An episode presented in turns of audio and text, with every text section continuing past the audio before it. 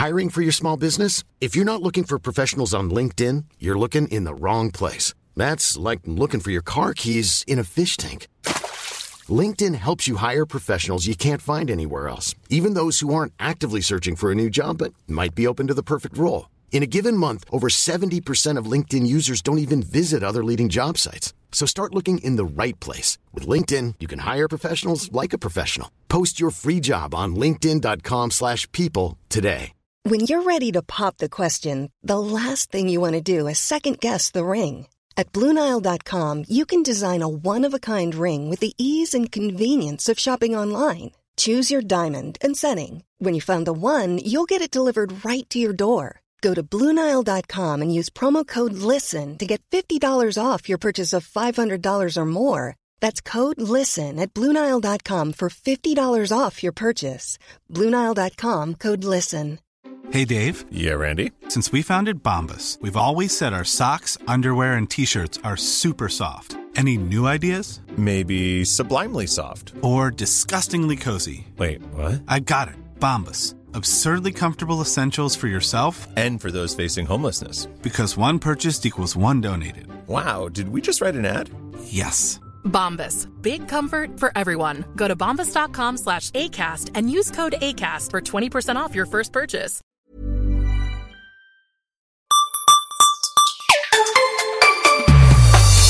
Hej och hjärtligt välkomna till Macradion. Nummer... Ja, vad är vi uppe i? 111 va? Är inte det någon eh, sån här eh, satanisk eh, nummer? Ja, lite magiskt är det. Ni hörde vilka som var med här idag. Det är det gamla eh, gardet får man säga. Gabriel Malmqvist, Henrik Hågemark. Eh, kul att du kunde slita dig Henrik ifrån eh, att eh, vara upptagen med att få eh, skit ifrån fakulteten där i Lund. jo, nej, men det känns bra att vara tillbaka. Jag, jag är på jorden nu igen. Ja, nice. Visst. För jag har ingen uppskattning för min närvaro. Eh, men du är alltid här.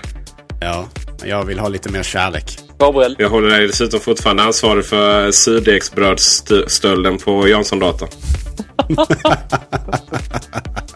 Vi är så glada att du Ja, är här eh, också Gabriel.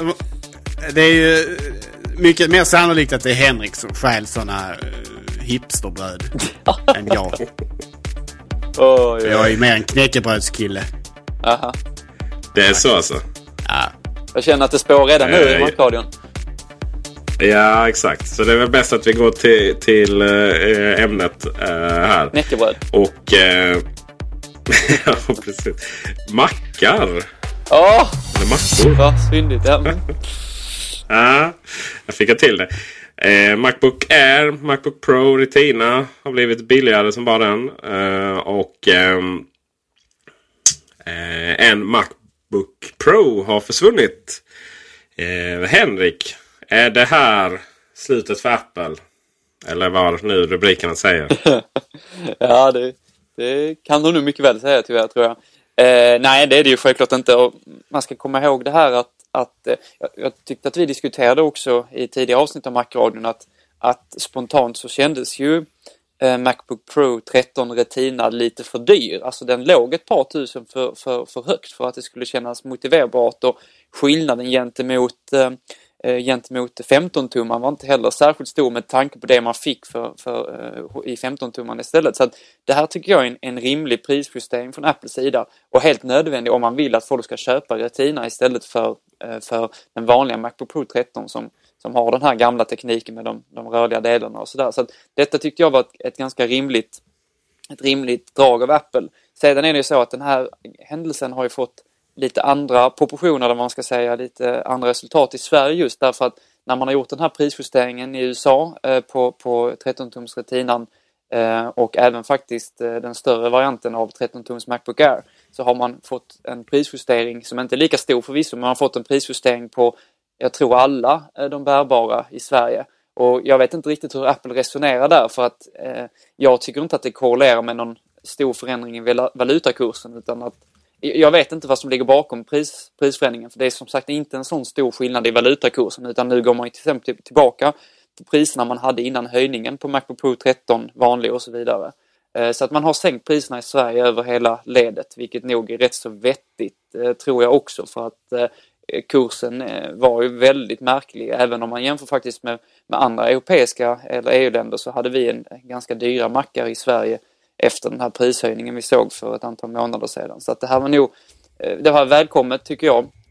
Framförallt därför att jag tycker att 13 tums Macbook Pro Retina är en väldigt trevlig dator. Jag tror att Apple måste göra så för att den ska komma ut till massorna.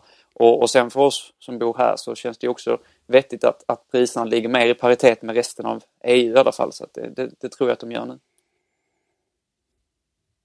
Gabriel, är Macbook Pro 13 tum en dator som nu kommer att ersätta de eh, vanliga Macbook Pro. Eh, ja, nu blir det fel. Retina 13 tum kommer ersätta de vanliga 13 tummarna eh, i och med detta. Eh, för Apple i förlängningen naturligtvis är det så. Eh, för dess kunder förhoppningsvis. Eh, det är ju en eh, på många sätt ganska trevlig maskin. Den här Retina-skärmen är faktiskt ett, eh, en väldigt stor förbättring framförallt gällande text. En väldigt trevlig maskin som jag kan känna kanske skulle behövt ett, ett diskret grafikkort. kanske eventuellt men i övrigt en, en väldigt, väldigt trevligt köp. Eh, när du säger att grafikkortet är diskret, är det så att det blottar sig på stan eller vad tänker du på?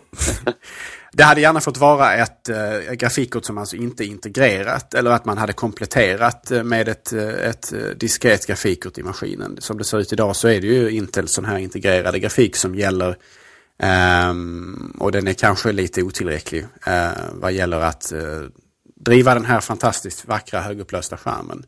Eh, och speciellt då om du vill koppla till ytterligare externa skärmar och sådär. Vår kära kollega Fabian, Dr. Fabbe. Ja, just det. Han har som titlar. DJ Fabbe är det Och Dr. Fabian. Ehm, han är inte helt nöjd med sin 13-tummare. Han tycker den eh, går för långsam och att det helt enkelt inte grafikkortet klarar av att driva den skärmen. Och det är ju lite eh, synd. Kanske skulle man eh, ha haft eh, den större varianten med så gjorde man ju på eh, 15-tummaren Att eh, ibland hade de någon enstegsmodell med bara ett integrerat grafikkort. Och sen så hade man då två på de andra. Så skulle man ju kunna gjort på rutinen också. Antar jag. Att det hade funnits plats till kanske. Jag, jag tycker det hade varit att föredra. I, I, min värld, och jag inser att jag, jag är inte medelkonsumenten, så hade jag hellre betalt det gamla priset fast med ett, ett nyare, bättre grafikkort. Uh, men jag kan tänka mig att de flesta kunderna kanske hellre har ett lägre pris uh, med bibehållen prestanda. Uh, men jag kan ändå känna lite grann att Pro-modellen utav Macbook Pro-linjen eller förlåt, att, att, att Retina-modellen utav Macbook Pro-linjen, framförallt då den större modellen, alltså den lite dyrare, eh, borde nog haft ett, eh, ett, ett riktigt, inom citationstecken, ett riktigt grafikkort. Eh, det hade den Apple och produkten som sådant nog tjänat på. Jag tycker det är lite intressant här för att det är inte riktigt ändå likt Apple att göra så här. Alltså dels, om man nu bortser från, från kronjusteringar eller så, eller valutajusteringar, det sker ju eh, med jämna mellanrum och ibland kanske mer motiverat än vid andra tillfällen. Men eh, det, det, det som var intressant här är att man gjorde en så pass radikal prissänkning och man fortfarande inte liksom, för det brukar ändå vara så att ah, det brukar vara ett bibehållet pris och en bättre prestanda. Det är det vanliga sättet för Apple att uppdatera sin, sin, sin, eh, sin datorlinje överlag så att säga. Eh, och det kan jag tycka är lite intressant här, för här finns det ju väldigt marginella prestandaförbättringar på till exempel den stora, eller stora ska jag säga, den, den starkare av eh, 13 tums eh, Macbook Pro Retina. Den har ju fått en, en 2,6 GHz processor istället för 2,5 så det är ju verkligen på marginalen. Likväl som 15-tums Macbook Pro Retina har fått en, en, en, en liknande marginaljustering. Och det, det, tycker jag är lite intressant att dels att man gör så små justeringar, man gör det lite så ändå i, i skymundan och istället sänker priset på retinan. För att jag menar det hade ändå känts mer likt Apple som du är inne på Gabriel att, att vi, vi behåller ett, ett någorlunda högt pris för den här men gör den än bättre så att säga. Sen så kan man i och för sig också se det så att det kanske inte folk hade väntat sig att det skulle bli någon prestandaförbättring överhuvudtaget och att detta bara var ett, ett plus och att det kommer en större uppdatering ganska snart ändå. Man kan ju fråga sig hur mycket av den här förändringen prismässigt som är motiverad av Apples tidigare kvartalsrapport som vi, som vi har pratat om här i Macradion. Där ju Mac-försäljningen eh, halkade efter en del, eh, kanske framförallt baserat på iMacarnas frånvaro eh, på butikshyllorna. Men kanske även till viss del baserat på ett, eh, eh ett, ett, eh, ett mindre än önskvärt eh, köptryck vad gäller de här Retina-modellerna. Eh, sen är det väl så också att det här med att man bibehåller priset och ökar prestandan det är ju sant i de allra flesta fall uppenbarligen. Men eh, då handlar det oftast om en produkt som kanske har ett ganska sansat pris från början. Medan de här Pro Retina datorerna egentligen började ganska så, eh, ska man säga, ganska högt prissatta. Och det har ju naturligtvis till stor del att göra med Retina-skärmen. Det har att göra med att den kanske är dyr att producera. Man kanske har svårt att producera många eh, med acceptabla kvalitetsstandarder och så vidare. Man kanske måste kassera många skärmar. Så att eh, jag är inte egentligen förvånad över att man väljer att sänka priset eh, på dem. Eh, det behövs nog kanske. Och förhoppningsvis så har Apple marginalerna att kunna göra det utan att ta någon större full, eller att, att, att göra sämre att tjäna mindre pengar på det. Eh, men framförallt ändå så hade jag ju kunnat gärna känna att eh, som jag sa tidigare, den större modellen hade gärna fått vara lite, lite bättre. Eh, det, hade inte, det hade inte skadat i mina ögon. Ja, 13 tummar menar du? Precis. För, förlåt, ja, jag menar, vad ska man göra med 15 till exempel? Det, är, det, är, det är inte så mycket mer du kan eh, det är mer ramminne i så fall. Och det fixar man ju på den största 15 tummen. Det jag tror det handlar om är helt enkelt kanske samma sak som eh, första iPhonen. Att eh, man helt enkelt fått ordning, fick ordning på produktionen och att det blir billigare att tillverka dem. Apple sätter sin marginal och ja, kan man då sänka priset och bibehålla marginalen då på det sättet att det blir billigare att tillverka dem så är ju det fantastiskt. Ja. Det jag tyckte var lite konstigt var att man tog bort den eh, gamla 15-tummare.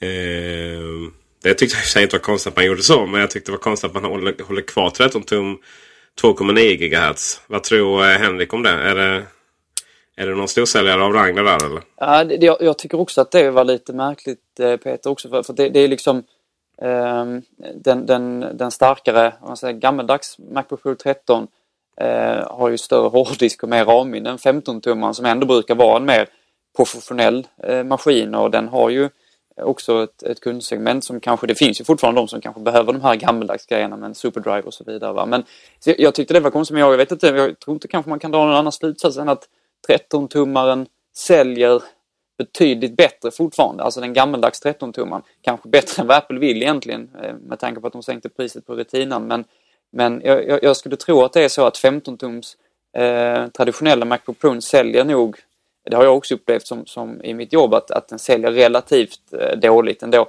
Därför klivet upp till en, till en 15 tums retina framförallt innan var inte så extremt blodigt ändå. Eh, och eh, eh, visst, alltså det fanns väl vissa som behövde god prestanda och en, en, en traditionell eh, liksom dator med superdrive men det var nog ganska få. Så att Eh, jag tror att detta snarare är för att behålla segmentet på något sätt att de som vill ha, inte bryr sig jätteli, inte lika mycket om prestandan men som ändå vill ha de här gammaldags funktionerna som CD-spelaren och så och behöver en större skärm. Det kan till exempel vara äldre så som känner att man behöver en större skärm så är det för att bibehålla det segmentet ett tag till men jag, jag, jag skulle tro att det är också en, en, en tidsfråga, det är väldigt begränsat och att 13 tums att det finns två versioner av den gamla 13-tummaren. Det är nog så enkelt att den, den säljer fortfarande relativt bra skulle jag tippa på. Sen får man ju inte tappa sikt på att det här är ju standardmodellerna det gäller. Det går ju fortfarande att välja den enda kvarvarande standardmodellen på 15-tummaren av den gamla Macbook Pro-linjen eh, och konfigurera upp denna till eh, en standard som hade matchat den, som, den modellen vi förlorade så att säga. Så att det går alltså fortfarande att få tag på snabbare maskiner. Det är bara det att de kommer inte som som standardkonfigurationer längre. Eh, men jag, jag håller med er där. Jag hade nog gärna sett, eller jag är förvånad över att inte Apple bara väljer att ha en standardkonfiguration av bägge de gamla modellerna och sen då ger kunder möjlighet att själva konfigurera upp dessa. Eh, och att, man, och att man nu då istället har två stycken standardmodeller kvar utav 13-tummaren och bara en utav 15-tummaren. Eh, det är lite märkligt men som ni säger, det, som, som, som jag kan se det så är det, måste det förklaras av att 13-tummaren, den stora modellen, säljer väldigt bra. Eh, till, antingen till enskilda kunder eller till institutioner, skolor, eh, företag, jag vet inte. Men det, det, måste ju betyda att den, har, eh, den hade större dragningskraft eh, än, vad de, eh, än vad den stora 15-tummaren hade. Alltså den, den snabbare av de gamla 15-tummarna. Uppenbarligen. Det är inte så att de har kvar vissa modeller av välgörenhet direkt. Macbook Air. Vad har vi hamnat med dem nu? Jag måste säga att eh, det var, har nog inte hänt innan att vi får tag på en, eh, en Mac för eh, under 9000 kronor. Nej, det är ganska... Frågan är vad... Vad sa du Peter? ja, jag tänker att, att man inte bumpar upp dem. Nu är ju det en... Eh, nu var ju den prissänkningen en svensk företeelse då. Men rent generellt varför man inte bumpar upp dem till eh, eh dubblera utrymmet på i alla fall eh, 11-tummarna. Ja, det är ju... Där hade det kanske också återigen kan jag tycka varit mer Apples linje att köra kanske bibehållet pris, eh, ingångspris som det var innan. Eh, även om det var som sagt en svensk företeelse så att man kunde, kunde eh, sätta en lite större flashdisk i den. För det är ju, man får väl ändå, eh, man kan inte sticka under stol med att 64 GB är litet för de allra, för lite för de allra flesta. Det, det, tycker jag nog.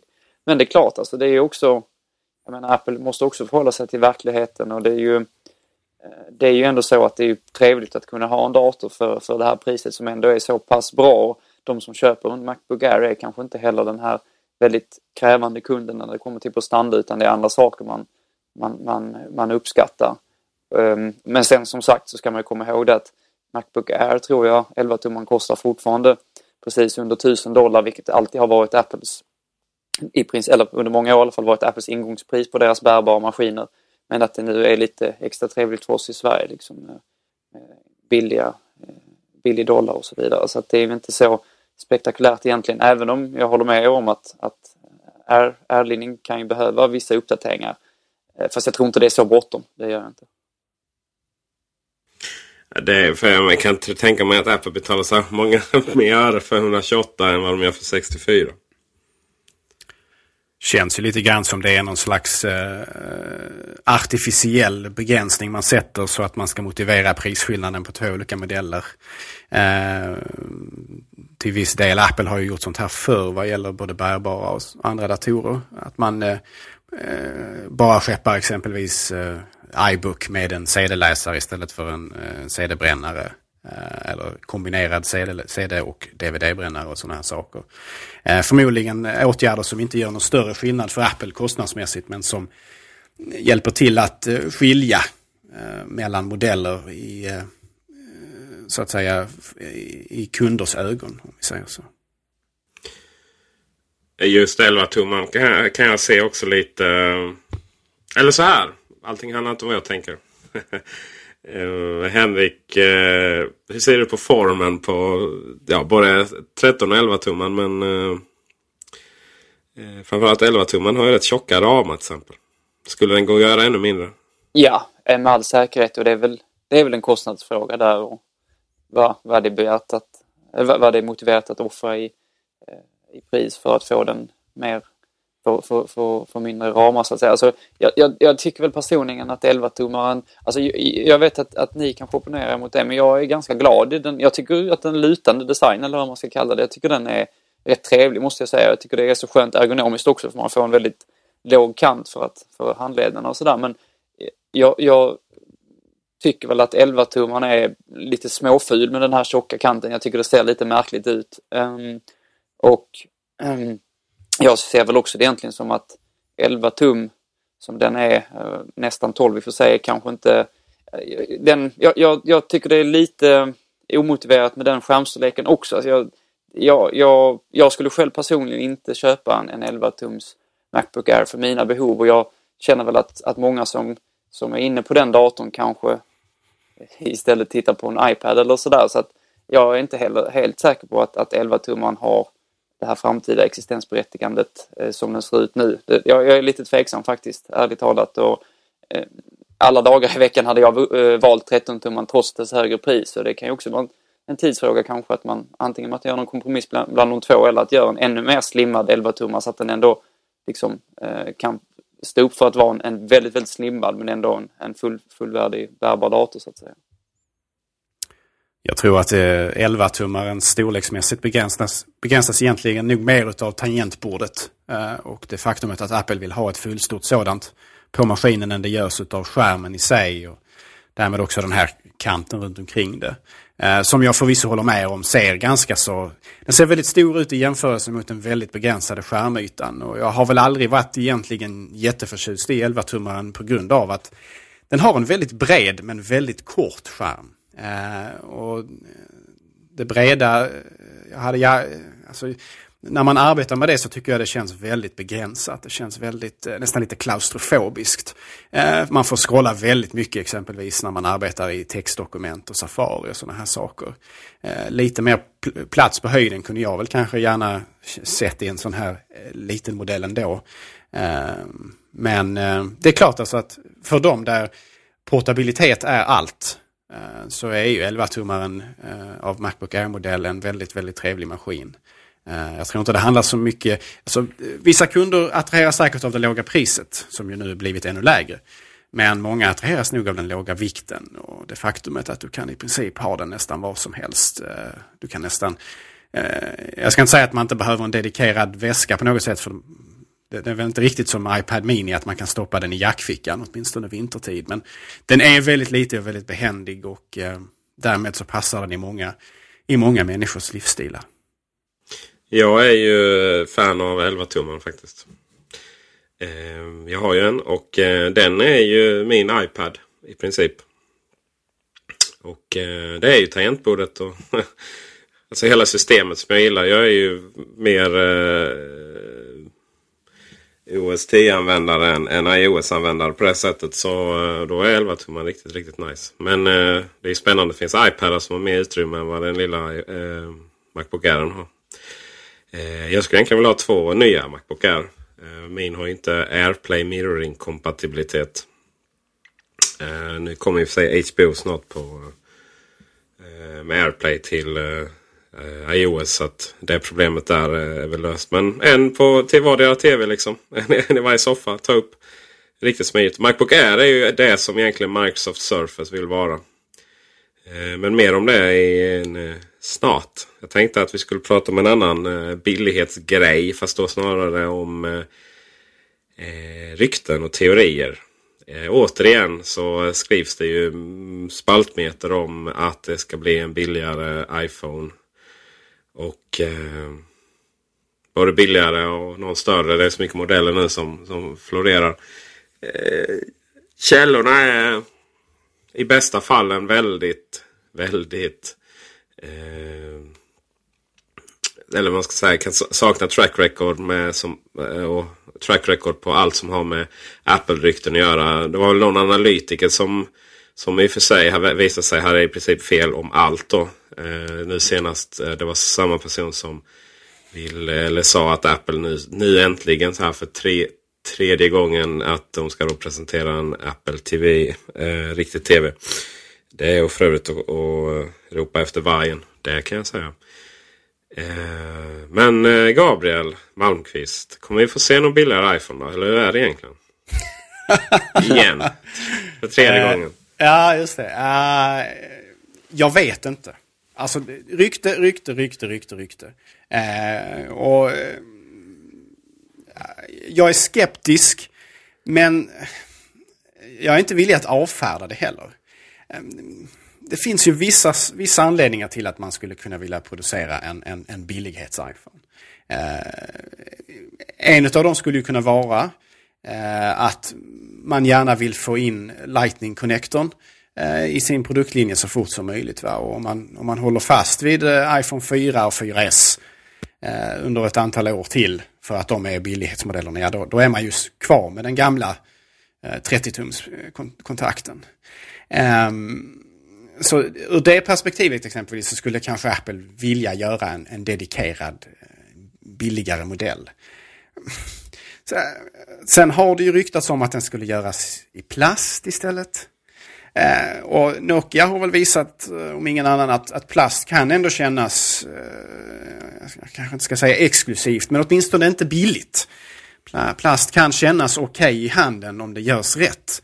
Det är skillnad på plast och plast uppenbarligen. Eh, Apples eh, modeller utav plast vad gäller iPhone har väl kanske inte känts speciellt exklusiva, åtminstone inte sett till plasten. Eh, men eh, det finns kanske en del besparingar att göra på att faktiskt använda sig av plast på baksidan Ehm, och kanske även på framsidan. Ehm, iPhone har ju historiskt sett haft glas på framsidan. Ehm, väldigt tålbart glas men ändå glas.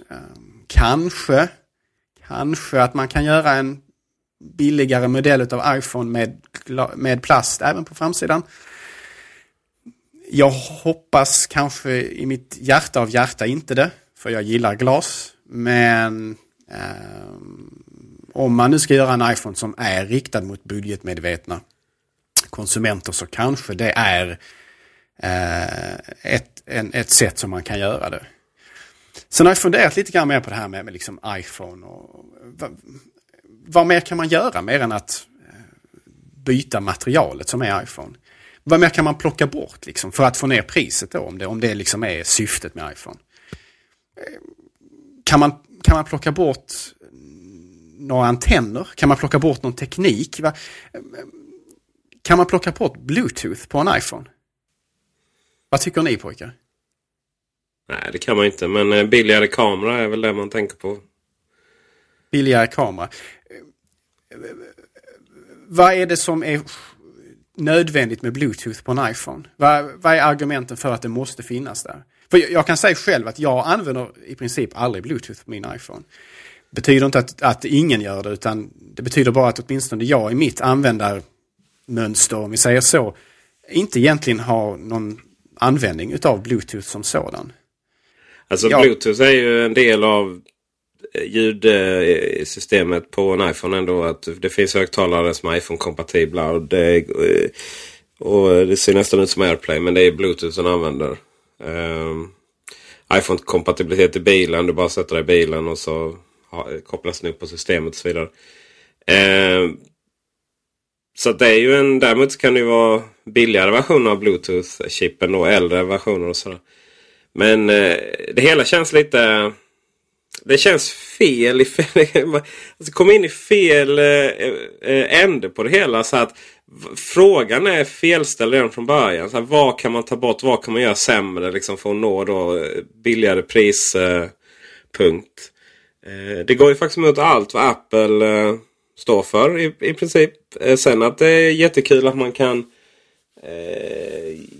få ner priset på premiumprodukter genom att köpa upp eh, varenda skärm och så vidare och, och SAV-konkurrenterna eller, eller förbättrad eh, tillverkning och sådär. Det är ju en sak. Men, men just att fråga sig själv vad vi kan försämra för att skapa en billigare produkt. Det gör ju inte Apple. Det är där det känns som att hela det här ryktet är eh, ryktena då, för det kommer ju ner hela tiden, är fel. Eh, Henrik, vad säger du? Ja, alltså jag håller med om detta Peter. Och alltså jag tycker man kan likna detta vid när, för visst är det så att Apple ibland eh, lanserar billigare produkter. Alltså en iPad Mini är ju billigare än den vanliga iPaden. En iPod Mini var billigare än den vanliga iPoden eh, när den kom.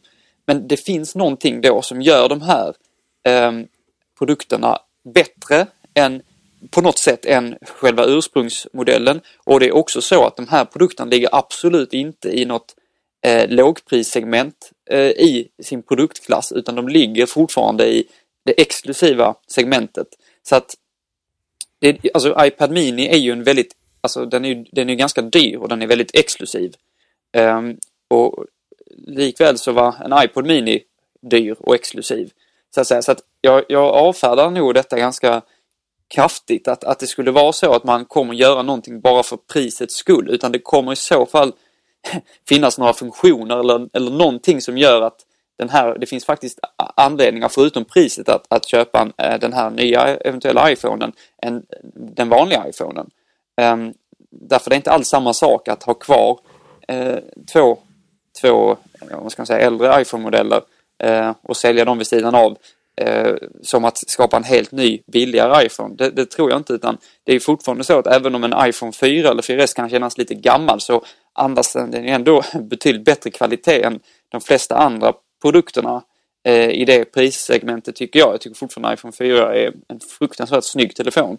Så att jag, jag, jag är tveksam och jag, jag, tror inte att Apple kommer att tumma detta på något sätt. Och då kan man ju fråga sig då vad det är som, vad, vad som skulle kunna vara någon form av eh, eh ja, vad ska man säga, någonting som kan vara, vara, bättre med en eventuellt ny iPhone som också kan bli billigare och det är ju inte helt självklart. Jag menar, iPad Mini den är ju faktiskt bättre än en vanlig iPad på det sättet att den är så otroligt mycket mer mobil. Du kan hålla den i en hand, den är inte tung alls och så vidare. Och jag vet inte riktigt vad det skulle vara med en iPhone, men det är just det, den frågan jag tycker snarare att man ska ställa sig. Precis. Och, Å andra sidan kan man ju säga att iPod Shuffle, var hamnar den i det här liksom? För jag menar iPod Shuffle när den kom ut var ju på många sätt en sämre MP3-spelare. Men där var ju fokus kanske framförallt på priset. Uh, och till viss del även att den är integrer integrerbar mot kläder. Uh, den ursprungliga iPod Shuffle hängde man ju runt halsen. Uh, och de nuvarande har man ju möjlighet att klämma mot kroppen i form av sådana här klämmor och sådana här saker. men det är ju på många sätt en en extrem budgetprodukt som ju är betydligt sämre än alla andra iPodar som finns i produktlinjen. Så det är ju inte helt, alltså det är inte helt otänkbart att Apple satsar på någonting som är extremt.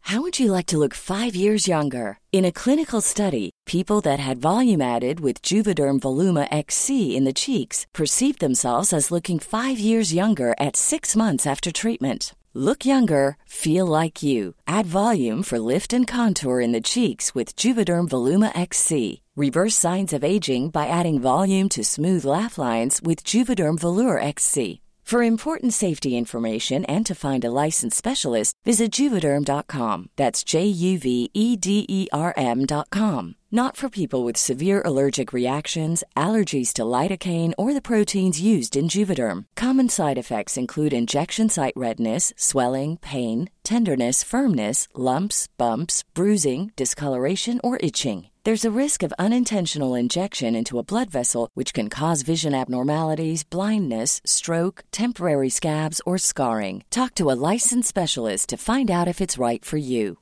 When you're ready to pop the question, the last thing you want to do is second guess the ring. At Bluenile.com, you can design a one of a kind ring with the ease and convenience of shopping online. Choose your diamond and setting. When you find the one, you'll get it delivered right to your door. Go to Bluenile.com and use promo code LISTEN to get $50 off your purchase of $500 or more. That's code LISTEN at Bluenile.com for $50 off your purchase. Bluenile.com code LISTEN. I'm Sandra, and I'm just the professional your small business was looking for. But you didn't hire me because you didn't use LinkedIn jobs. LinkedIn has professionals you can't find anywhere else, including those who aren't actively looking for a new job but might be open to the perfect role, like me. In a given month, over 70% of LinkedIn users don't visit other leading job sites. So if you're not looking on LinkedIn, you'll miss out on great candidates like Sandra. Start hiring professionals like a professional. Post your free job on linkedin.com/people today. Hey, it's Paige DeSorbo from Giggly Squad. High quality fashion without the price tag. Say hello to Quince. I'm snagging high-end essentials like cozy cashmere sweaters, sleek leather jackets, fine jewelry, and so much more. With Quince being 50 to 80% less than similar brands. And they partner with factories that prioritize safe, ethical, and responsible manufacturing. I love that. Luxury quality within reach. Go to quince.com slash style to get free shipping and 365 day returns on your next order. Quince.com slash style. Wow. Nice. Yeah. What you're hearing are the sounds of people everywhere putting on Bombas socks, underwear, and t-shirts made from absurdly soft materials that feel like plush clouds. Yeah, that plush. And the best part? For every item you purchase, Bombas donates another to someone facing homelessness. Bombas. Big comfort for everyone. Go to bombas.com slash ACAST and use code ACAST for 20% off your first purchase. That's bombas.com slash ACAST. Code ACAST. Inte budgetfokuserat. Däremot är det inte sagt att detta innebär att man kommer att släppa en, en, en plasttelefon eh, alla liksom uh, iPhone uh, liksom. Men, men det är inte helt historiskt sett otroligt eller otänkbart att Apple faktiskt fokuserar på en, en extremt prismedveten, eh, ett, ett extremt prismedvetet kundsegment. Fast är det ändå inte så lite att, eh, jag, jag håller med dig till viss del, men det är ändå så i någon bemärkelse att iPod Shuffle eh, är ju bättre på, på en sak, att den är jag tror till och med att man lanserade den också som att den var otroligt enkel att använda. Så det är bara att trycka på play och stopp i princip. Um, och att den, den har också den här extremt låga vikten som gör att den är faktiskt bättre än, än, än andra iPodar när det gäller vissa saker, till exempel träning och så. Så jag tycker ändå att den fyller sin funktion och gör den bättre än de andra iPodarna på sätt och vis. Och om man känner på en iPod Shuffle idag så tycker jag ändå att alltså den är mycket dyrare än en MP3-spelare. Eh, jag vet inte vad det finns för konstiga märken men, som gör någon liknande, eh, lik, har liknande specifikationer. Men iPod Shuffle är fortfarande en exklusiv iPod i sitt segment. Den är, har en fint, fint material och den är liksom den andas ändå Apple-kvalitet på något sätt och inte budget. Absolut är det så, men samtidigt så är ju iPod Nano idag vad gäller eh, liksom storlek och vikt och så här eh, inte speciellt mycket, vad ska jag säga, sämre. Och speciellt inte om man tittar på den iPod Nano som vi hade tidigare som var lite fyrkantig och sådär va. Det var ju egentligen en, en, en, en, en eh, rimligtvis samma storlek som en shuffle, alltså inte riktigt men alltså med, med en, en skärm som man kunde interagera mot där man hade mer möjlighet att liksom välja musik och så. Och, och då om det bara liksom var fokus på detta så, så kunde man ju tyckt att Apple i och med introduktionen av denna faktiskt kunde bara lämnat shuffeln därhän. Men jag, jag tror att, att shuffeln ändå på något sätt tilltalar eh, rent prismässigt många kunder eh, som en, en enkel, billig present till mindre barn. Eh, och, och sådär. Alltså det är användbar inte bara för folk som vill vara ute i liksom, löpslingan eller på gymmet och sådär. Utan även liksom, eh, rent prismässigt för vissa kundsegment som det ändå finns pengar att, att tjäna på att, att så att säga tillgodose. Eh, förvisso i exklusivare form. Jag menar, eh, ska man ha en en, en, en, en MP3-spelare som inte möjliggör att man ser vilken musik man spelar och sådana saker så, så är ju Shuffle fantastiskt trevlig. Alltså det är ju säkert så att eh, dess konkurrenter inte har en chans vad gäller liksom design och, och känsla och sådana här saker. Va? Och den har ju fördel med att den interagerar mot iTunes och sådana här saker. Men ja, det, det frågan är hur, hur mycket av dess existens motiveras fortfarande i Apples och dess kunders ögon av, av dess pris. Jag tror faktiskt ganska mycket. Det tror jag också. Men där är ju också priset en... Eh, alltså att ha någonting under 500 kronor ger ju... Någonting under 500 kronor ger ju en sån fördel eh, prismässigt i form av att du kan ha, köpa det som en gåva till någon ändå. På något sätt. Liksom, en födelsedagspresent eller, eller sådär. Eh, men det, det kommer du aldrig ha på liksom en budget-iPhone på det sättet. Den kommer ändå kosta några tusenlappar. Eh, så att den... Eh, eh, inom den, den världen eh, så finns det alltså ett syfte med att ha någonting där. Men liksom, så fort det kommer över 500 kronor i princip så är ju det argumentet som bortblåst. Då. Eh, men, men jag känner att, att ehm, att vi igen liksom gör det här misstaget att låta oss dikteras av eh, vad... Alltså när man sätter vanliga företagsmål eller eh, man liksom sätter vanliga teorier om hur, hur företag ska fungera och verka på en marknad på Apple. Och Apples stora styrka är ju att alla liksom behövt anpassa sig till det. Eh, för att det är jättelogiskt sådär att man, okay, man har bra produkt, man dominerar en marknad. Eh, och då måste man då ha de andra för att man måste ha höga marknadsandelar. För att marknadsandelar är det som är det viktigaste. Det är, det är absolut den, det viktigaste nyckeltalet. Eh, men det är det ju inte för Apple. För att man då lyckas skapa en marknad genom att ta, eh, ha höga marginaler. Och sen tjäna väldigt mycket pengar per såld produkt. Vilket gör att man då liksom drar in pengarna på en, på en, en liten marknad. Då.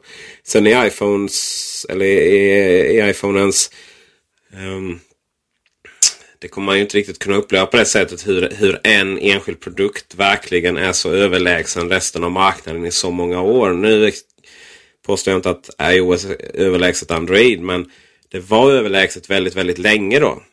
Um, så hela det här snacket att man måste liksom för att marknadsandelarna och aktien faller och bla bla bla liksom. Eh, det tror jag är ju väldigt mycket önsketänkande från analytiker. Precis som samma sak när man tjatar om att Apple måste skaffa, eh, ta fram en netbook annars är det kört och mycket annat så. Eh, men från Apples håll så kollar man ju liksom okej, okay, vi har precis släppt en svindyr telefon. Den är dyrare än allting annat. Eh, och vi säljer som aldrig förr. Vi tjänar mer pengar än någonsin. Vi omsätter mer pengar än någonsin. Alltså det finns ju en ganska stor glapp mellan de två parallella världarna då. Alltså innanför och utanför företaget. Så att... Eh, ja. Jag ser väl ingen riktig... På det stora hela, bortsett från då liksom det här jakten på marknadsandelar. Så finns det egentligen inget incitament att... Varför ta fram en produkt som är är billigare eh, för sakens skull. Särskilt med tanke på jag till exempel att 3. Eh, de, de hade, var ju iPhone, eh, iPhone 5 var ju bäst säljande då. Sen var ju iPhone 4 då. Eh, och sen kom väl någon Galaxy där och sen så kom iPhone 4S. Eh, och 4 då det är ju för att de har kört några kampanjer på det. Man får väl typ två iPhone 4 eller någonting. Eh, men den telefonen medger ju då att, att man gör de kampanjerna. Och det var till och med så att Tim Cook sa att man hade problem att tillverka just iPhone 4. Kan jag tycka är lite roligt. Men Tim sa också någonting annat där när han pratade på eh, den här invest, eh, investmentbankens eh, konferens där Henrik. Om just telefoner. Ja, vad jag i alla fall kontentan av det han sa förstod jag det som var att, att inte Apple kommer att släppa någon någon billig produkt som man inte själva tycker är liksom kanonbra. Och det är ju det som är Apples filosofi, att de inte tillverkar någonting som de själva inte hade velat använda så att säga. Eh, så det var han är ju rätt så ehm, tydlig med. Och ehm, eh, han tyckte att, att det var en bra strategi, förklarade han. Eh, att man har de här, som du var inne på, äldre iPhonesen för de som är pris, de kunderna som är priskänsliga liksom. Och ja, som du nämnde också så var han inne på det här att de har svårt att tillverka även dem så att säga. Så att det, han verkar ju rätt så trygg eh, i den här, eller i alla fall utåt, i den här nuvarande eh, sättet att, att, att eh, ha ett iPhone-sortiment. Men det är klart att man ska ju ta allting som de säger utåt med en nypa salt. Apple har ju sagt saker som de sen inte har följt så att det är ju ingenting som är eh, skrivet i sten för det. Men, men eh, det, det är ändå intressant. Apple har ju varit ett företag som förnekat en produkt fram till den dagen då de släpper den. Så det är ju precis som du säger Henrik, det är inte alls självklart att bara för att han säger en sak så betyder det något annat. Det är ju ganska anmärkningsvärt kan jag tycka att man, som Peter kom in på och även du här, att man har vissa produktionsproblem fortfarande med iPhone 4. Eh, man har väl viss förståelse för att nya produkter, eh, nya iMacar och så vidare med revolutionerande produktionsteknik, eh, att de är stundtals svåra att få fram i, i volymer. Men det är faktiskt ganska, ganska eh, förvånande, om vi säger så, att, eh, att iPhone 4 fortfarande är eh, till viss del eh, svårproducerad för Apple. Eh. Det, det, är väl en fråga om forecasting också, att man helt enkelt inte just 4 skulle gå så bra. Säkert, säkert är det så. Det kommer säkert som en förvåning. Men det är ju, kommer man tillbaka lite det här med att ja, det är, varför då? Det är ju inte för att det är en bättre produkt än 4S utan det är för att man kan få den billigare uppenbarligen. Så um, det finns ju säkert pengar att tjäna där också för Apple. Eh, för väldigt priskänsliga kunder. Sen kommer ju alltid det, andra aspekter in. Apple siktar väl in sig rätt så mycket på Kina. Eh, Kina är ju kanske en, eh, en, eh, på många sätt ett, eh, en, en, en, växande stormakt, inte bara militärt och ekonomiskt men även som marknad. Eh, företag världen över gör ju vad de kan för att komma in och Eh, ta marknadsandelar där och Apple har ju säkerligen stora ambitioner att eh, att, att, eh, att erövra eh, mindshare och market share i, på den kinesiska eh, marknaden. Och det är ju frågan om eh, de nuvarande priserna då så att säga kan eh, tillmötesgå detta eller inte. Det finns ju en växande medelklass i Kina som blir allt eh, mindre fattig om vi säger så. Eh, samtidigt som det naturligtvis är ett, ett land extremt fullt av människor som, som lever under väldigt eh, begränsade ekonomiska förutsättningar. Minst sagt. Där är det också intressant hur, eh, jag tror att, att Tim nämnde det också, att Apple har väldigt många marknader i världen som man inte har, eh, liksom, man har inte etablerat sina produkter i, i alla fall inte med tillräcklig styrka och att det finns mycket att göra där så att säga.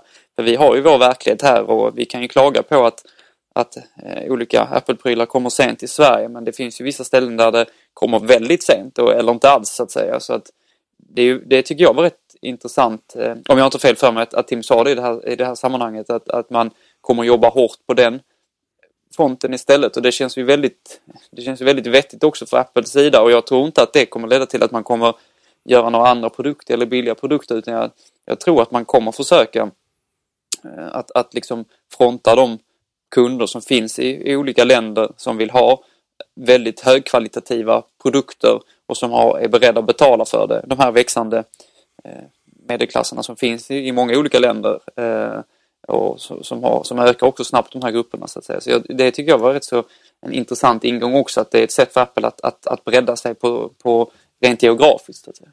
Det är, om man tycker att det finns klasskillnader i USA och andra länder och givetvis Sverige också så är det ju ingenting jämfört med dessa länder. Nere i Asien. Någon som eh, inte riktigt har, kan prata om exakt, riktigt samma framgång, eller kanske man kan, är ju Microsoft. Eh, man har sålt slut på sina Microsoft Surface. Eh, är dessa en eh, framgångssaga utan eh, dess like, eh, Gabriel? ja, det där är 100 miljoner dollars frågan. Eh, precis som du säger så har man ju liksom gärna velat åtminstone måla upp denna bilden. Eh, att man har sålt slut på dem och därmed så kanske man lätt skulle kunna dra slutsatsen att det innebär att det är en väldigt framgångsrik produkt. Men tittar man historiskt sett så var det likadant med den här Microsoft Zune. Deras eh, relativt dödfödda försök att konkurrera med Apples iPod på sin tid. Tune. Eh, den var... Ja, I brun. Tune. Exkrementbruna produkt. Eh, som kunde squirta eh, information mellan varandra. Eh, som ju vid introduktionen eh, också sålde slut väldigt fort. Men det berodde inte på så mycket kundentusiasm som det berodde på bristande tillgång på dessa. Men det är ju det där är, sen om det är så i det här fallet, det vet vi inte ännu. Det är frågan om Microsoft kommer att delge försäljningsstatistiken eh, för marknaden. Eh, men om det är så att man väljer att eh, artificiellt begränsa tillgången på produkten på marknaden. Om vi sätter på våra konspiratoriska foliehattar och säger att så är fallet. Att de har gjort det för att bara få de här fina skriverierna om produkten, att den är slutsåld och man måste vänta precis som Apple och så vidare. Va? Då är det ett ganska högt spel att spela egentligen om man ska vara realistisk. För att Eh, finns ju alltid en risk att en kund som kommer till en butik entusiastisk och inspirerad och vill köpa den och sen inser att du kanske får vänta veckovis eller som i Apples fall med iMacarna månadsvis på att få tag på den. Ja, det, det finns ju en risk, en mycket rejäl sådan, att man faktiskt eh, ser sitt intresse falna och, och byter inriktning, köper en konkurrerande produkt och så vidare.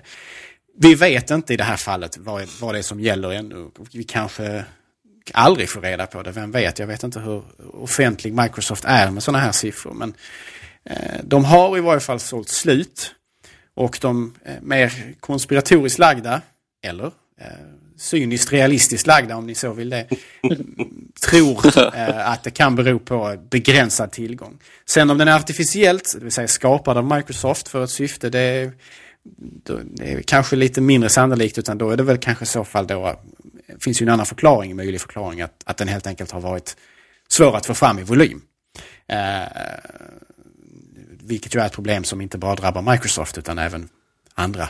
Eh, Men hur som helst så om man tittar på recensionerna av produkten så har de inte varit speciellt entusiastiska. Eh, no compromise, Gabriel. Ja, inga kompromisser. Man gick Helvete. ut och sa det. Så är det bara no compromise. Men all, alltså, det är ju det är en väldigt, rent ut sagt, idiotisk sak att gå ut med. För att allting handlar om kompromisser.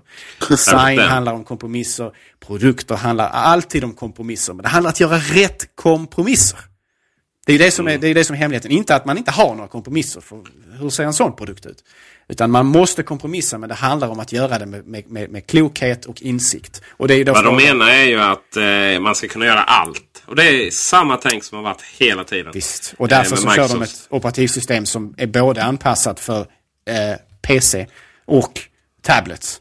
Eh, man, vill Och, få in, eh, man, man vill få- få in allt och därmed så får, förmodligen så får man in väldigt lite i slutändan. Förut var det så här, då skulle man ha samma operativsystem. Windows skulle då funka på eh, på ja, PC då eller så här, vanliga, vanliga datorer. eh, vi får prata om den definitionen sen vad det betyder. Eh, och sen så ska man då in på de här tabletsarna eh, som kom. Och eh, de här, bästa var ju de här som var stora bärbara datorer. Feta, tunga, hemska HP-datorer. och som man då kunde vända på skärmen så den la sig Ja, och så ska man då ta fram en penna och så ska man försöka hitta startmenyn. Och det är så pinsamt. Och nu gör man exakt samma sak. Det är bara att man då tar, eh, utgår från touchgränssnittet. Och så ska det vara det gränssnittet som gäller på alla datorer. Och det liksom förvillar ju varenda pensionär som använder sin, eh, sin PC. Liksom. Och, eh, och på tabletsen sen då, på Sunen, Sunen Eh, förlåt, Surface. Så eh, då blir det ju så här att ja, då är det ju faktiskt ett ganska nice eh, gränssnitt. Jag har aldrig använt det faktiskt. Men jag har tittat på Hawaii 5 och där är det ju så mycket smygreklam nu. Eller produktplacering. Eh, smyg kan man inte riktigt säga. För att där liksom zoomar de in när de tar fram sin jävla eh, Surface. Och så liksom zoomar in gränssnittet. Och sen börjar de trycka så här fram grejer. Så det är ju så genomskinligt så det är, blir äckligt. Eh, så jag kan allt om den utan att ha använt den. Skämt åsido. Ehm, och problemet är ju så här. liksom, Okej, nej men då ska jag in i det programmet. och okej, Okej, jag ska använda Office. Ja, men då måste jag ändå gå in för att kunna göra någonting med Microsoft Office. Ja, då måste man ändå gå in i liksom det andra gränssnittet. Och få fram det här traditionella Office-gränssnittet. Jag menar, anledningen att i- iPaden blev så populär var ju att apparna var anpassade till det. Inte att vi hade liksom triljoner små ikoner över hela Eh, bild, eh, skärmen som vi inte hittar någonting sådär. Alltså, genom att då att man ska kunna göra allt, det vill säga inga kompromisser. Så blir allting en enda stor hemsk kompromiss. Eh, och eh, det blir inte bättre av att eh, reklamen för den är så pinsam så det... Jag fattar inte. Alltså Microsoft de har för mycket pengar. De måste komma lite mer kris innan de kan eh, liksom på något sätt typ börja göra bra saker. Men alltså hej, det kunde varit värre för Microsoft. De kunde varit Research in Motion liksom. Eller RIM, eller vad heter de nu? Nej, de kallar sig Blackberry. De heter. Blackberry. De heter Blackberry nu för tiden, ja, just det. Alltså, de kunde ju, det kunde ju varit värre. Det finns, eh, det finns grader i helvetet som det heter. Men... Det är eh, ju, det är ju jättetråkigt. Jag menar vi, och det är lite som Android... Eh, om, man nu, okay, om, vi, om vi nu ska spela spelet i heliga kriget här då liksom. Förlåt Henrik, jag vet att vi pratar att vi ska komma fram snart. Men alltså, okay, vi spelar hela kriget och vi är alla så här lite fanatiska och, och eh, huliganer och, och liksom eh, Apple och My Google och Microsoft det är liksom fotbollslagen och så håller vi och så har vi egna principer för oss själva som inte kan appliceras på andra och så vidare. Vi kör det spelet liksom. Och då, då är det ju Google mot Apple Eh, såklart då, eller mer Android mot Apple, iOS kanske man ska säga. Eh, och lika mycket då som det är ologiskt att, att det är så. För att det är någonstans så växer ju iOS och Android på, parallellt med varandra och liksom tar ingenting från varandra. Utan det är så här bästa vänner i, och sen kör de över allting annat. Det är typ som strike back så här. Eh, soldater som är oövervinnliga och, och bara dödar alla andra. Eh, på samma sätt, på det, sättet är det liksom konstigt som framförallt Android-anhängarna då. Va? Hur de hatar Apple. De som gör det ska sägas. Nu drar jag inte alla över en kant här. På samma sätt så är det väldigt att vi ska inte sitta och gotta oss åt detta. För liksom om, om vi någonstans vill ha en, en, eh, åt eh, Microsoft då ska säga deras misstag.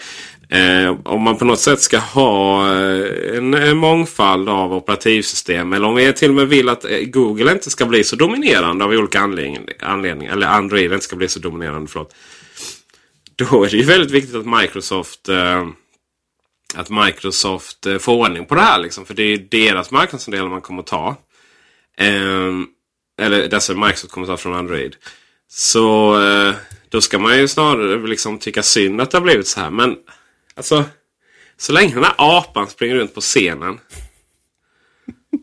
så kan jag inte. Jag kan verkligen inte låtsas att jag inte tycker att det här är hysteriskt roligt. Att har misslyckats produkt efter produkt. Henrik, nu är det din tur. Det är din tur Henrik. Jag och Peter har redan gjort det och vi vet att du vill. Det är dags för dig att spy galla över Microsoft. Min, Kom igen. Min favoritsysselsättning. jag har ju mer suttit och njutit här och känt mig förkyld så att jag var lite dåsig i huvudet. Nej men det är klart, ni har ju rätt i, i allt ni säger och eh, jag tycker det är ganska roligt dessutom så att eh, jag är ju inte så, så diplomatisk och så, eh, så, så, så, så väl uttryckt som, som, som Peter är när det gäller att, att Microsoft ska behöver nå framgång för, för vår skull. Men det är klart att det, det ligger en hel del i det. Men det, handlar ju om produkterna och det handlar om att, att när man försöker, som vi har varit inne på, göra en produkt som ska göra allt och gör den ingenting bra. Eh, och detta måste alla lära sig och Apple är väl de som är egentligen allra bäst eh, på att göra kompromisser och göra hårda kompromisser ibland och ta bort saker som folk kan vara, oj varför finns inte detta med? Och det hade flera behövt lära sig och jag tror Microsoft är framförallt de som hade behövt, eh, behövt lära sig det. Och sedan att eh, de behöver göra sig av med apan, det är väl också helt självklart. Kommer de återhämta sig från detta? så kommer man göra det? Microsoft släpper ju varannan OS-version värdelös och äh, varannan är faktiskt riktigt nice utifrån ett Windows-perspektiv. Kommer man liksom tänka om det här och, och, en, och komma igen från det? Eh, lite som man gjorde från, med den första Xboxen där.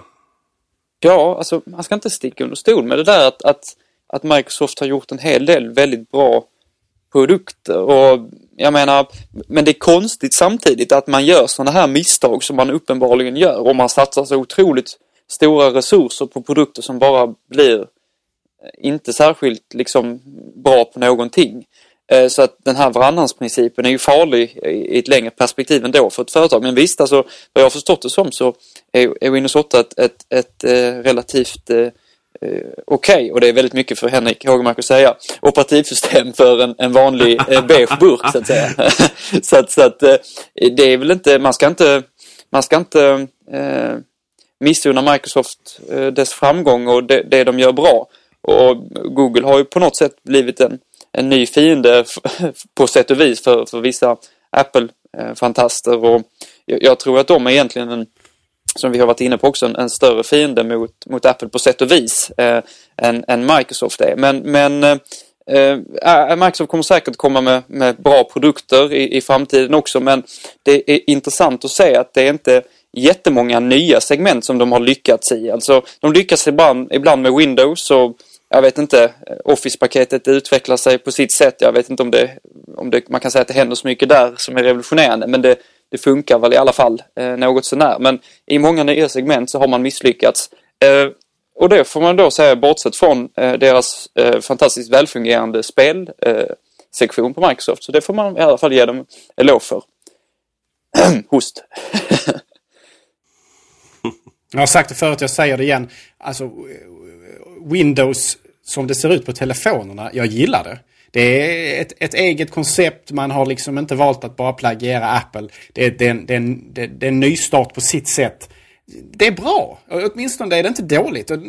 Jag gillar det långt mycket mer än jag gillar Android, även fast Android på, på många sätt påminner om iOS. Uh, det, är, det, är inte fel egentligen alltså. Men problemet är att man ju försökte liksom smälla in allt i ett man skulle ha Windows everywhere och en produkt som ska härska överallt. Och det är ju där det har liksom blivit hjärnsläpp alltså. Eh, om man väljer att kalla det här för Windows, det kunde man kanske gjort va, men alltså man skulle ju inte försökt klämma in gamla traditionella klassiska Windows-gränssnittet tillsammans med det nya. Och sen försöka liksom få in detta både på datorer av traditionellt snitt, av, av, eh, av eh, iPad-konkurrenter i form av Surface och motsvarande produkter. Fullständigt vansinnigt. Man borde ha renodlat e ett operativsystem för det nya, alltså telefoner och, och, och tablets. Eh, och eh, ett operativsystem för datorer som man skulle vidarearbetat i den riktningen istället. Det hade varit mycket bättre. Det hade varit att, att följa Apple men på, på ett bra sätt för då hade man bara lånat liksom, eh, vad ska man säga, insikten, visionen av vad som måste ske. Medan man då samtidigt har utforskat en, en egen väg att gå det så att säga. Det hade varit eh, otroligt mycket mer att föredra framför den vägen man har valt nu där man försöker få in allting i ett. Eh, bättre separata operativsystem som kan interagera med hjälp av tjänster och så vidare, molnlösningar och allt det här perfekt. Men som man har försökt, försökt göra det idag, nej, det är en väldigt dålig idé. Folk är frustrerade på de traditionella datorerna för att ibland så är det en miljö som känns väldigt oanpassad för mus och tangentbord. Och de som sitter med Surface Tablets, de blir helt plötsligt inkastade i den här primitiva barbariska världen där muspekaren är kung. Och där man, där man liksom måste använda sig av menyer som inte på något sätt alls verkar logiska för ett, ett, ett, ett touchgränssnitt. Och där man helt plötsligt kastas tillbaks till att använda pek, pekplatta och sådana saker. Nej, de är, de är tyvärr, de hade lite rätt men de är ändå på väg i fel riktning. Och det är, det är egentligen ganska tragiskt att se. För att jag välkomnar konkurrens mot Apple, framförallt när det är ifrån företag som jag tycker på viss på visst sätt har liksom förbättrats. Jag menar Microsoft av idag är ett mycket bättre företag filosofiskt, eh, om du så vill, än Microsoft var på 90-talet eller tidigt 2000-tal. Eh, jag har mer respekt för företaget idag än vad jag har haft för fem eller tio år sedan. Eh, men man har valt fel väg här. Och Steve Ballmer naturligtvis är ju katastrof. Det är ingen tvekan om saken. Man undrar ju vad han har för hållhake på Bill Gates eftersom han fortfarande är kvar. han vet saker som inte vill, ingen vill ska komma ut. I alla fall inte Bill. nej, uppenbarligen. Alltså det måste ju vara något sådant. För varför är inte den karln sparkad vid det här laget? Ah. Mm.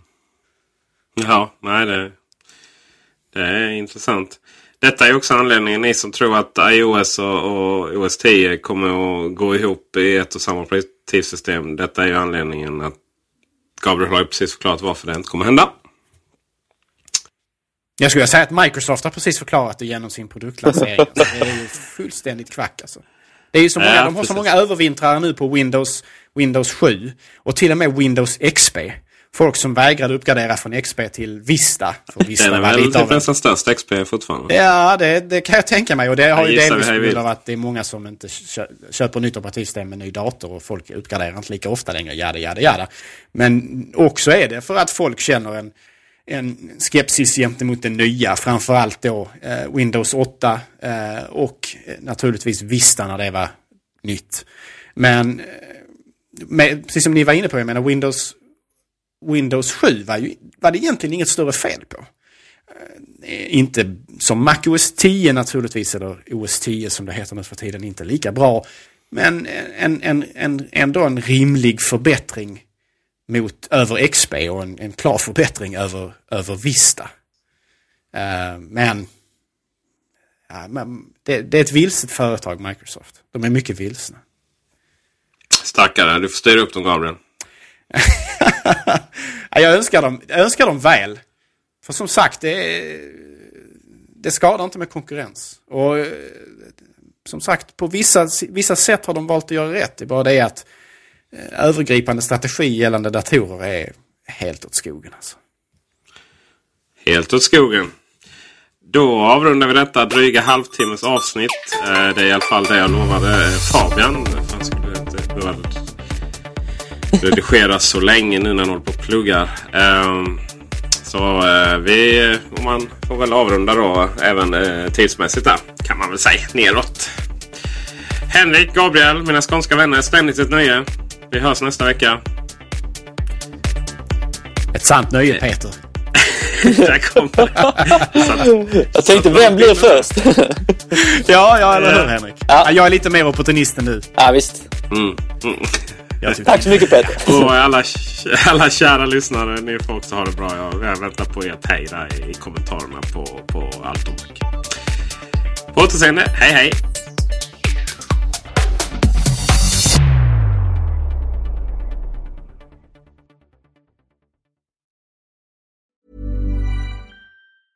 Even when we're on a budget, we still deserve nice things. Quince is a place to scoop up stunning high-end goods for 50 to 80% less than similar brands.